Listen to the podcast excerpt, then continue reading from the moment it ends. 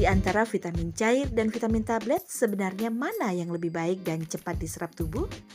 Jenis vitamin yang lebih sulit diserap tubuh adalah vitamin tablet. Tubuh hanya menyerap vitamin tablet sebesar 39-53% dari total kandungan di tablet. Sedangkan vitamin cair memiliki daya serap yang jauh lebih tinggi dan cukup cepat. Vitamin cair membutuhkan 1-4 menit untuk dapat diserap tubuh, sedangkan vitamin tablet butuh waktu 20-30 menit untuk terurai sebelum tubuh dapat menyerapnya. Zat gizi dari suplemen vitamin cair dapat diserap tubuh hingga 98%. Akan tetapi, tidak semua vitamin berbentuk cair. Tujuan mengkonsumsi suplemen vitamin adalah untuk memenuhi kebutuhan nutrisi.